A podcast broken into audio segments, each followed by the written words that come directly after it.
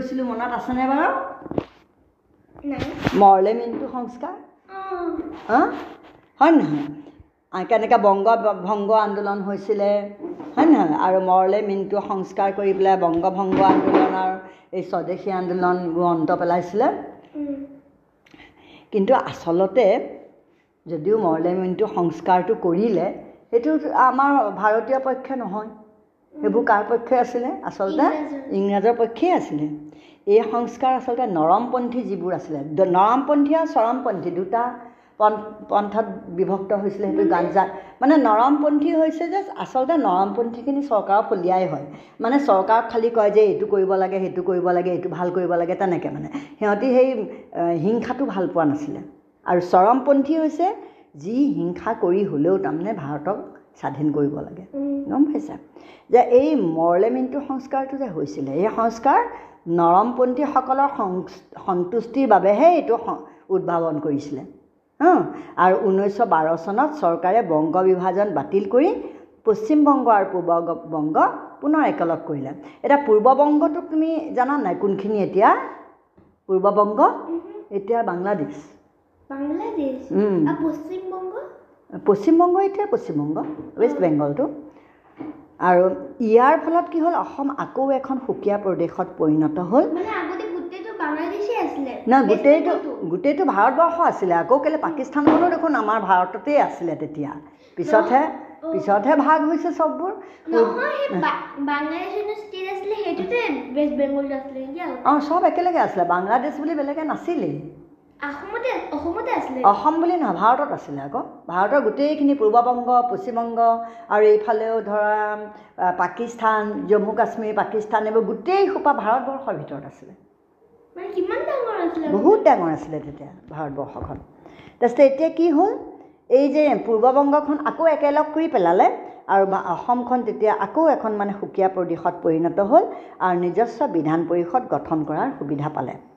কিন্তু এই চিলেট আৰু কাছাৰ জিলাক অসমৰ লগত ৰখাত চিলেট আৰু কাছাৰখন অসমখন এখন বেলেগ প্ৰদেশ কৰি দিলে কিন্তু চিলেট আৰু কাছাৰখন অসমৰ লগত ৰখাৰ কাৰণে মানে যিখিনি বঙালী শিক্ষিত শ্ৰেণী সিহঁতৰ অসন্তুষ্ট হৈ ৰ'ল আৰু গতিকে অসমৰ পৰা চিলেটক আঁতৰাই নিয়াৰ বাবে পুনৰ আন্দোলন চলিল বৰ্তমান এতিয়া চিলেটখন বাংলা বাংলাদেশত আছে কিন্তু কাছাৰখন এতিয়া অসমতে আছে এতিয়াও।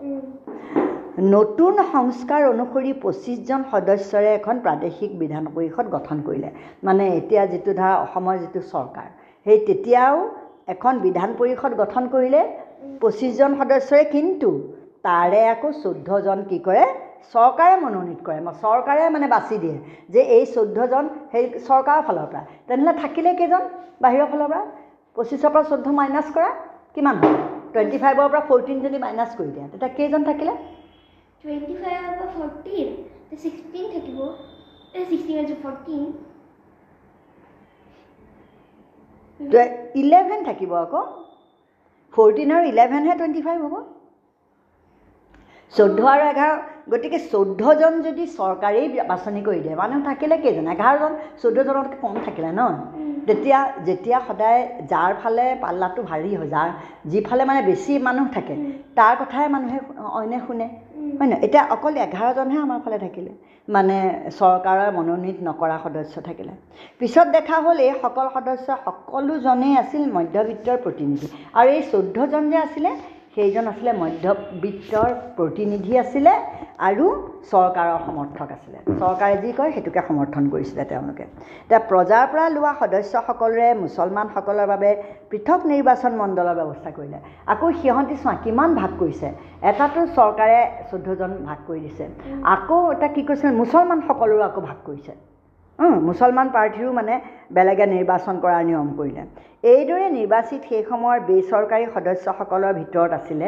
বেচৰকাৰী মানে সেই এঘাৰজন যে তাৰ ভিতৰত বিশেষকৈ কোন কোন আছিলে?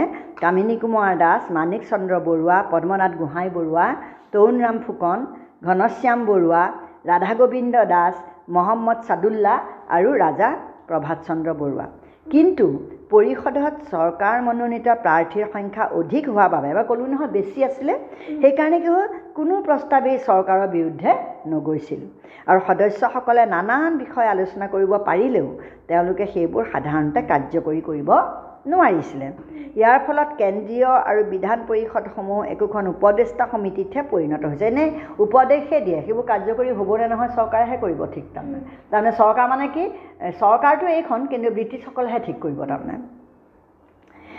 এতিয়া কি হ'ল সি যি কি নহওক বিধান পৰিষদৰ বহুতো সদস্য আছাম এছ'চিয়েশ্যনৰো সদস্য হৈ থকা বাবে সিহঁতে কি কৰিছিলে আছাম এছ'চিয়েশ্যনৰ যিবোৰ মানে প্ৰস্তাৱ লৈছিলে সেইবোৰ সিহঁতে বিধানসভাত আলোচনা কৰিছিলে। কিন্তু উদাহৰণস্বৰূপে তেওঁলোকে তেনেকৈ গ্ৰেজিং আৰু চৰণীয়া পথাৰৰ ওপৰত লগোৱা কৰৰ বিৰোধিতা কৰিছিলে।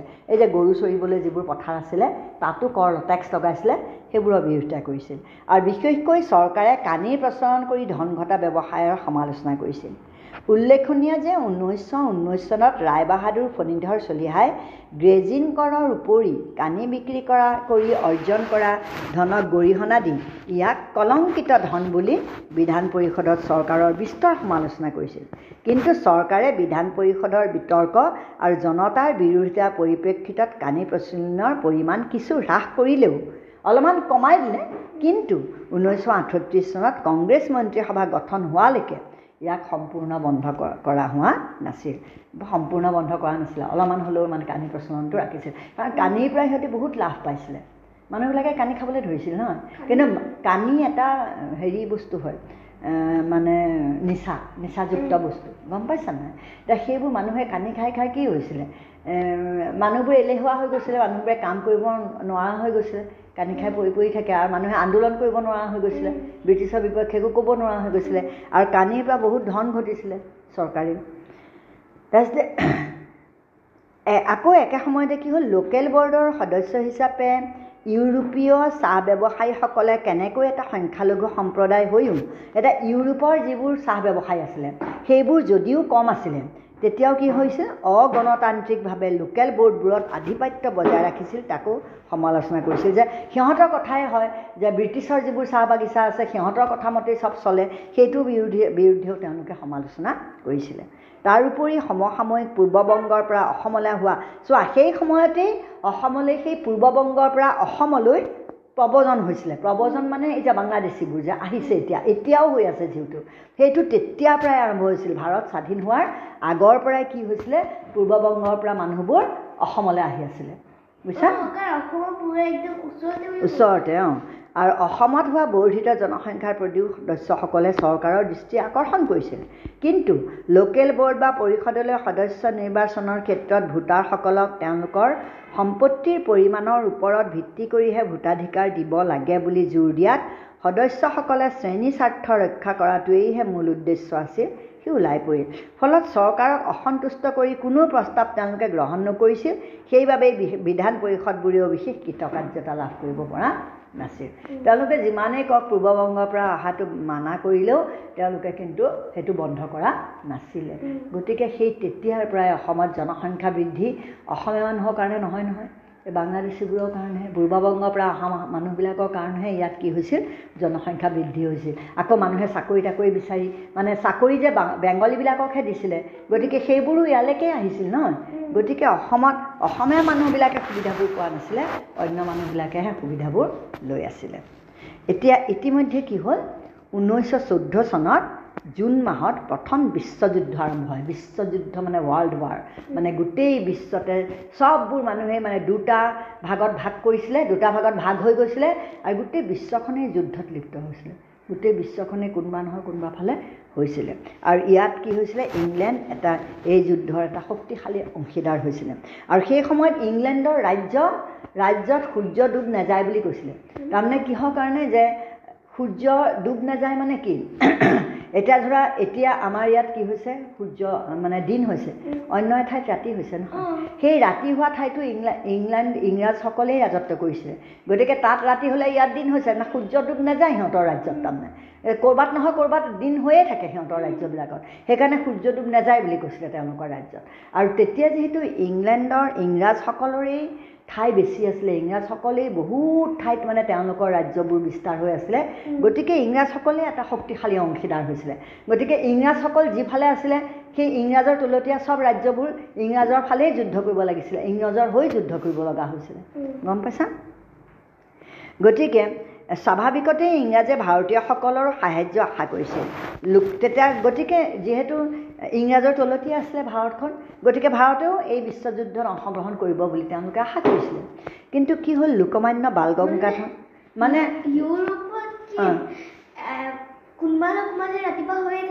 অ। তেতিয়া তেতিয়া আছিলে তাৰমানে।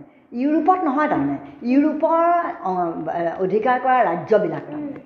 সেইবিলাকত ক'ৰবাত নহয় ক'ৰবাত দিন হৈ থাকে সেইটো তাৰমানে। এতিয়া কি হ'ল সেইটো সময়ত কিন্তু কি হ'ল বাল গংগাধৰ তিলক আৰু ভাৰতৰ যিবোৰ জাতীয়তাবাদী নেতাসকলে এই সুবিধা বুলি ভাবি অধিক স্বায়ত্ত শাসনৰ অধিকাৰ লাভৰ আশাত ইংৰাজক সহায় কৰাৰ প্ৰতিশ্ৰুতি দি প্ৰথম মহাসমৰত ইংৰাজৰ পক্ষপাতিত্ব কৰিলে।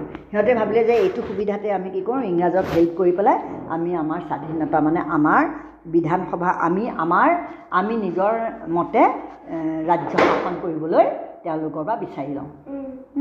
কিন্তু ভাৰতীয় নেতৃবৃন্দই অনুমান কৰিলে যে যুদ্ধ শেষ হোৱাৰ আগেয়ে বিশেষ উপায়েৰে চৰকাৰক হেঁচা দি নধৰিলে চৰকাৰে তেওঁলোকক দিয়া আশা ভৱিষ্যতে পূৰণ নকৰিব। কিন্তু নৰমপন্থী প্ৰধান জাতীয় কংগ্ৰেছৰ অধীনত তেনে কোনো দাবী উঠাৰ আশা নেদেখি। আইৰিছ মহিলা এনি বেচাণ্ট আৰু লোকমান্য তিলকৰ নেতৃত্বত ঊনৈছশ পোন্ধৰ ষোল্ল চনত দুটা হোম ৰুল লীগ গঠন কৰি যুদ্ধ চলি থকাৰ সময়তেই আন্দোলনকাৰীসকলে স্বশাসন আন্দোলন বা হোম ৰুল আন্দোলন আৰম্ভ কৰিলে। কি কৰিলে? যে যিখিনি আমাৰ নৰমপন্থী আছিলে তেওঁলোকে দেখিলে যে তেওঁলোকে চৰকাৰৰ বিপক্ষে একো নকয়। গতিকে কি কৰিলে? সেই সময়ত এজন আইৰিছ মানে আয়াৰলেণ্ডৰ পৰা আহিছিলে মানুহগৰাকী মহিলাগৰাকী তেওঁৰ নাম হৈছে এনি বাচান্ত অঁ তেওঁ কি কৰিলে এটা বেলেগে মানে এটা হেৰি খুলিলে সংগঠন খুলিলে হোম ৰুল লীগ। আৰু তেওঁলোকে ক'লে যে হোম ৰুল মানে হোম মানে কি? আমি আমাৰ নিজৰ দেশখন নিজৰ ঘৰখন আমি নিজে শাসন কৰিম। সেইটোৱে আছিলে হোম ৰুল লীগৰ মানে প্ৰধান হেৰি। সিহঁতি কি কৰিলে এই এনি বাচেণ্ট আৰু লোকমান্য তিলকৰ নেতৃত্বত ঊনৈছশ পোন্ধৰ ষোল্ল চনত হোম ৰুল লীগ গঠন কৰি যুদ্ধ এই বিশ্বযুদ্ধ তেতিয়া চলি আছিলে প্ৰথম বিশ্বযুদ্ধ সেই সময়তে সিহঁতি কি কৰিলে এটা আন্দোলন আৰম্ভ কৰিলে যে আমি আমাৰ শাসন নিজে কৰিম। সেইবুলি ইফালে এই হোম ৰুল আন্দোলনৰ গইনা লৈয়ে গান্ধীজীয়েও বিহাৰৰ চম্পাৰামত ঊনৈছশ পোন্ধৰ চনত ইউৰোপীয় নীল ব্যৱসায়ীসকলৰ বিৰুদ্ধে প্ৰথম সত্যাগ্ৰহ আন্দোলন আৰম্ভ কৰিলে। যে নীল ব্যৱসায় কৰিব নীল ব্যৱসায় কৰিলে কি হয়? মাটিবোৰ বেয়া হৈ যায় আৰু পিছত বেলেগ খেতি কৰিব নোৱাৰে। গতিকে খেতিয়কসকলৰ লোকচান হয়। গতিকে আৰু তেওঁলোকক ধৰি বান্ধি শাস্তি দি হ'লেও নীল খেতি কৰাইছিলে। ইংৰাজবিলাকে। গতিকে সেই সময়তে গান্ধীজীয়েও? নীল খেতি এই যে আমি যে কাপোৰত যে নীল দিওঁ উম। সেইটোৰ খেতি তাৰমানে নাই এতিয়া। কম হয় ন কম হয় তাত তেওঁলোকে বহুত ভাষ্ট পৰিমাণত কৰিছিল কাৰণ তেওঁলোকৰ তেওঁলোকে কি কৰিছিলে যে তেওঁলোকেতো কাপোৰৰ ব্যৱসায় তেতিয়া বহুত ডাঙৰ ব্যৱসায় কৰিছিল ন তেওঁলোকে মানচেষ্টাৰত ইংৰাজসকলে আৰু কাপোৰবিলাকত নীল দিবৰ কাৰণে বহুত নীলৰ দৰকাৰ হৈছিলে। গতিকে ইয়াত নীল খেতি তেওঁলোকৰ তাত খেতি নকৰি আমাৰ ইয়াত কৰিছিলে। যাতে মানে সিহঁতি ইয়াৰ পৰা চব তেওঁলোকে কি কৰিছিলে ইয়াৰ পৰাই চব বস্তু লৈ গৈছিলে। হয় নহয়? কম দামত কিনি বেছি দামত আকৌ আমাকেই বিক্ৰী কৰিছিল সেইটো আগতে কৈছোৱেই মই। এতিয়া কি হ'ল এই নীল ব্যৱসায় ঊনৈছশ পোন্ধৰ চনত তাৰমানে কি হৈছিলে? গান্ধীজীয়ে আগতেও এই আফ্ৰিকাটো আন্দোলন কৰিছিলে গম পাইছে না আফ্ৰিকাটো আছিলে তেওঁ উকিল হৈছিল ন? তেওঁ ওকালতি পঢ়িবলৈ গৈছিলে। ইংলেণ্ডতে পঢ়ি আহিছিলে। পঢ়ি পেলাই অঁ পঢ়িবলৈ গৈছিলে তোমালোকে পাইছা গান্ধীজীৰ বিষয়ে। এতিয়া ঊনৈছশ পোন্ধৰ চনত গান্ধীজী ভাৰতলৈ উভতি আহিছিলে। আৰু সেই চম্পাৰণ জিলাত কি কৰিছিলে তেওঁ এটা আন্দোলন আৰম্ভ কৰিছিলে যে নীল খেতিয়কসকলক মানে এই কৃষকসকলক নীল খেতিৰ পৰা ৰেহাই দিবৰ কাৰণে। তাৰপিছতে এই নীল ব্যৱসায়ীসকলৰ আৰু নীল নীল যিবিলাকে ব্যৱসায় কৰিছিল নীল খেতি কৰাই পেলাই সেইবোৰ লৈ পেলাই সিহঁতে ব্যৱসায় কৰিছিল তাৰ বিৰুদ্ধে প্ৰথম সত্যাগ্ৰহ আন্দোলন আৰম্ভ কৰিছিলে। আৰু সেই সময়তে মুছলিম লীগেও নিজৰ সংকীৰ্ণ চিন্তা এৰি মুছলিম লীগে অকল অকল মুছলিমৰ কথা নাভাবি পেলাই সেইটো সময়ত তেওঁলোকে অকণমান সংকীৰ্ণ চিন্তা এৰি পেলাই সৰু চিন্তাবোৰ এৰি ডাঙৰকৈ ভাবি পেলাই কি কৰিছিলে যে হোম ৰুল আন্দোলনত যোগ দিয়া নৰমপন্থী চৰমপন্থী আৰু মুছলিম লীগৰ সদস্যসকলৰ লগত যোগ দিয়াত বিভিন্নপন্থী সদস্যসকলৰ মাজত পুনৰ ঐক্য স্থাপন হয় আৰু ঊনৈছশ ষোল্ল চনৰ লক্ষ্ণৌত বহা কংগ্ৰেছৰ অধিৱেশনত তাৰ বাস্তৱায়িত হয়। তাৰমানে সেই তাৰ বাস্তৱ ৰূপটো পায়। সেইটো সময়ত চবে একেলগে আলোচনা কৰি সেই মিটিংখনতে কি হ'ল যে আমি কেনেকৈ আন্দোলন কৰিম সেইটো স্থিৰ কৰে। আৰু তেনে সময়তে ৰাছিয়াটো জাৰৰ পতন সন্নিকট হৈ আহে আৰু সেই বিপ্লৱৰ বাতৰি আহি ভাৰতত বিয়পি পাৰে। ৰাছিয়াটো কি হৈছিলে? জাৰ জাৰ নামৰ যিটো মানে হেৰি আছিলে শাসন কৰিছিলে তেওঁলোকে ৰাছিয়াক শাসন কৰি আছিলে তো ৰাছিয়ায়ো তাহাঁতৰ বিৰুদ্ধে কি কৰিছিলে? আমাক নিজৰ স্বাধীনতা লাগে বুলি তেওঁলোকেও সেইটো সময়তেই আন্দোলন কৰিছিলে বিপ্লৱ কৰিছিলে তাৰমানে। গতিকে সকলো দি চালি জাৰি চাই কোনো স্বশাসন দিয়াৰ মনোভাৱ নাথাকিলেও ইংৰাজে পৃথিৱীৰ সকলো পৰাধীন দেশকে গণতন্ত্ৰ আৰু স্বায়ত্ত শাসনৰ অধিকাৰ দিয়াৰ প্ৰতিশ্ৰুতি দিলে। তেতিয়া ইংৰাজে দেখিলে যে কথাটো বিষম হৈছে চব ফালৰ পৰা আন্দোলন হৈছে। তেতিয়া তেওঁলোকৰ হৈ পেলাই কোনেও যদি যুদ্ধ নকৰে তেওঁলোকে বিশ্বযুদ্ধত হাৰি যাব। গতিকে তেওঁলোকে তেতিয়া এটা প্ৰতিশ্ৰুতি দিলে যে আমাৰ আমাৰ আণ্ডাৰত আমাৰ তলত যিমানবোৰ দেশ আছে সকলোকে আমি কি কৰিম গণতন্ত্ৰ দি দিম স্বায়ত্ত শাসন দি দিম। তেনেকৈ সিহঁতি এটা প্ৰতিশ্ৰুতি দিলে। প্ৰতিশ্ৰুতিহে দিলে। মানে আমি দিম। তেতিয়াহে আকৌ তেওঁলোকে তেনেকৈ দিম বুলি ক'লেহে আকৌ সিহঁতি যুদ্ধ কৰিব মানুহবিলাকে। সেইকাৰণে প্ৰতিশ্ৰুতি দিলে। তাৰপিছতে সেই উদ্দেশ্যত ভাৰতৰ ৰাষ্ট্ৰ সচিব মিষ্টাৰ এডউইন মণ্টেগুৱে ঊনৈছশ সোতৰ চনৰ আগষ্ট মাহত ব্ৰিটিছ সংসদত ঘোষণা কৰিলে যে অচিৰেই ভাৰতক স্বশাসনৰ সুবিধা দিয়া হ'ব। ঊনৈছশ সোতৰ চনত তেওঁ ঘোষণা কৰিলে। কোনে ঘোষণা কৰিলে? মণ্টেগু। মণ্টেগুৱে তেতিয়া সেই অৰ্থে সেই সময়ৰ ভাৰতৰ ভাইচৰয় চেমছফৰ্ড আৰু সচিব মণ্টেগুৱে ভাৰতৰ বহুতো ঠাই ভ্ৰমণ কৰি বহুতো সংগঠনৰ লগত আলোচনা বিলোচনা কৰি ঊনৈছশ ওঠৰ চনৰ আগষ্ট মাহত এলানি শাসন সংস্কাৰ ঘোষণা কৰিলে। তেওঁলোকে শাসন ব্যৱস্থা যিটো অলপমান অলপমান দি থৈছিলে নহয় সেইখিনিক সংস্কাৰ কৰিবলৈ তেওঁলোকে কেনেকৈ সংস্কাৰ কৰিব সেইটো ক'লে আৰু সেই সংস্কাৰকে কি বুলি কয় মণ্টেগু চেমছফৰ্ড সংস্কাৰ। মণ্টেগু আৰু চেমছফৰ্ডে মিলি পেলাই এই সংস্কাৰটো কৰাৰ কাৰণে তাৰ নাম হৈছে মণ্টেগু চেমছফৰ্ড সংস্কাৰ আৰু এইটো কৰিছিলে ঊনৈছশ ওঠৰ চনত। মন কৰিবলগীয়া যে প্ৰকাশ্যভাৱে ঘোষণা কৰা স্বত্তেও এই সংস্কাৰ আইনে কিছু পৰিমাণৰ সাংবিধানিক পৰিৱৰ্তন অনাৰ বাহিৰে কোনো স্বশাসনৰ ব্যৱস্থা নকৰিলে। এনেই মুখেৰেহে ক'লে তাৰমানে। কোনো স্বশাসনৰ ব্যৱস্থা নকৰিলে। বৰঞ্চ ভাৰতীয় জনতাৰ বাক স্বাধীনতাখিনিও নিঃশেষ কৰি যিকোনো লোককে বিনা বিচাৰে গ্ৰেপ্তাৰ কৰি আটক কৰি ৰাখিব পৰাকৈ ঊনৈছশ ঊনৈছ চনৰ মাৰ্চ মাহত ৱাউলাট আইন নামেৰে এখন ক'লা আইন জাৰি কৰিলে। ৱাউলাইট আইন সেই ক'লা আইন বুলি এইকাৰণেই কৈছে যে মানুহৰ যদি কথা কোৱাৰ স্বাধীনতাটোৱেই নাথাকে মানুহৰ কাৰোবাৰ বিপক্ষে ক'বলৈকে যদি স্বাধীনতাটো থাকে নাথাকে সেইটো ক'লা আইন হ'ব নাই সেইটো বেয়া আইন হ'ব নাই। মানুহেতো নিজৰ কথা কোৱাৰ সুবিধাটো থাকিব লাগে। সেইটোকে সিহঁতি বন্ধ কৰি দিছে। আৰু তেওঁলোকৰ গণতান্ত্ৰিক অধিকাৰ খৰ্ব কৰাৰহে ব্যৱস্থা কৰিলে। ফলত মণ্টেগু চেমছফৰ্ড সংস্কাৰ আৰু ৰাওলাইট আইনৰ বিৰুদ্ধে সমগ্ৰ ভাৰতজুৰি কি হ'ল? প্ৰতিবাদ আৰম্ভ হ'ল। আৰু ইতিমধ্যে মহাত্মা গান্ধীৰ নেতৃত্বত জাতীয় কংগ্ৰেছেও এই প্ৰতিবাদী আন্দোলনত যোগদান কৰিলে।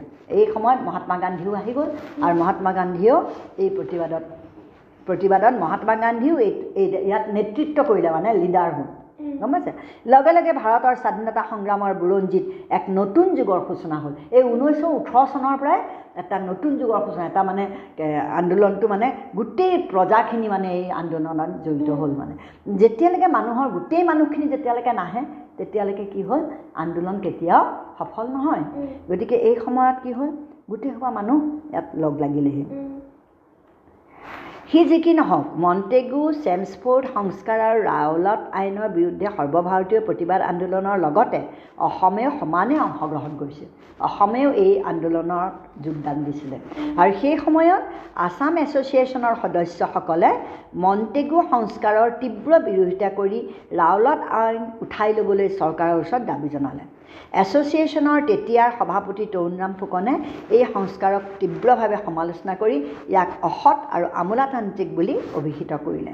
কিন্তু তৎসত্বেও নবীন চন্দ্ৰ বৰদলৈৰ নেতৃত্বত সদস্যসকলে এই সংস্কাৰ এই সংস্কাৰ গ্ৰহণৰ মাধ্যমেদি গুৰুত্বপূৰ্ণ বুলি ভবা একোখন প্ৰদেশক দিয়া সকলোবোৰ সা সুবিধা অসমৰ বাবেও দাবী কৰিলে। ফলত মণ্টেগু চেমছফোৰ্ড সংস্কাৰৰ বিৰোধিতা কৰিও সদস্যসকলে ইয়াক শেষত গ্ৰহণ কৰিবলৈ সাজু থকাৰ দৰে হ'ল। যে মণ্টেগু চেমছফৰ্ড আইনৰ বিৰোধিতা কৰিলে আকৌ এই বুলিও ক'লে যে এই আইনত থকা সুবিধাখিনি আমাক লাগে। তেতিয়াহ'লে কি হ'ল? দুটা বিৰোধিতাও কৰিলে আকৌ সিহঁতি সমৰ্থনো কৰিলে। এতিয়া কি হ'ল আকৌ? কথাটো একেবাৰে হেৰি হৈ গ'ল হয় নহয়? এতিয়া সেইটো নবীন চন্দ্ৰ বৰদলৈ কৰিলে যে ইয়াত থকা সুবিধাখিনি আমাক লাগে বুলি কৈ দিলে। ইফালে তৰুণৰাম ফুকনে বিৰোধিতা কৰি আছিলে। এতিয়া যি কি নহওক ইংৰাজ শাসক গোষ্ঠী আৰু চাহ ব্যৱসায়ীসকলৰ বিৰোধিতা আৰু হিন্দু মুছলমান আৰু বঙালী অসমীয়া আদি বিভিন্ন সম্প্ৰদায়ৰ বিপৰীতমুখী দাবীৰ ফলত তেওঁলোকে কৰা আবেদন গ্ৰাহ্য নহ'ল ফলত আছাম এছ'চিয়েশ্যনে নবীন চন্দ্ৰ বৰদলৈ আৰু প্ৰসন্ন কুমাৰ বৰুৱাক দায়িত্ব দি তেওঁলোকৰ দাবী ইংলেণ্ডৰ লৰ্ড চেলবৰ্ণ কমিটিৰ ওচৰত দাখিল কৰিবলৈ পঠায়। এনে নেৰানেপেৰা চেষ্টাৰ ফলত তেওঁলোকৰ দাবী ইংৰাজ কৰ্তৃপক্ষই শেষত মানি ল'লে। কিন্তু উভতি আহি তেওঁলোকে অসমৰ ৰাজনৈতিক অৱস্থা সম্পূৰ্ণ ভিন্ন পৰ্যায়তহে পালেহি। তেওঁলোকে সেইটো কাৰণে ইংলেণ্ডলৈ গ'ল গৈ পেলাই তেওঁলোকে সেই দাবীখিনি মনাই পেলাই যেতিয়া আহিলে তেতিয়া দেখিছে যে অসমত দেখোন অকণমান বেলেগ ধৰণৰ পৰিস্থিতি হৈ গ'ল। কি হ'ল? কাৰণ গান্ধীজীৰ নেতৃত্বত জাতীয় কংগ্ৰেছে চলোৱা অসহযোগ আন্দোলনত তেতিয়া অসমীয়া জনসাধাৰণে ইতিমধ্যেই জঁপিয়াই পৰিছে। গতিকে সেই যে ইংৰাজৰ ফলীয়া হৈ পেলাই তেওঁলোকে যিখিনি কৰিছিলে সেইখিনি তেওঁলোকে তেতিয়া কেতিয়াও দাবীখিনি মানি নলয়। তেওঁলোকে তেতিয়া গান্ধীজীৰ নেতৃত্বত সকলো অসমীয়াও কি কৰিলে অসহযোগ আন্দোলনত জঁপিয়াই পৰিল। এই অসহযোগ আন্দোলন আৰু অসমৰ বিষয়ে আমি আকৌ অহাবাৰকৈ ক'ম। হা? তেনেহ'লে আমি আজিলৈ এইখিনিলৈকে কেনেকৈ কেনেকৈ আন্দোলনটো আৰম্ভ হৈছে গম পাই গ'লা নহয়? অসমত কেনেকৈ হৈছে? হা? গতিকে অহাবাৰকৈ আমি আকৌ এই অসহযোগ আন্দোলন আৰু অসমৰ বিষয়ে ক'ম। হা? ঠিক আছে। তেতিয়াহ'লে আমি এতিয়া কি ভাই। অসম বুৰঞ্জী অসমৰ ইতিহাস তোমাৰ চিনাকি নিজৰ চিনাকি নেপাহৰিবা। বিশ্বৰ আগত মূৰ তুলি ৰবা।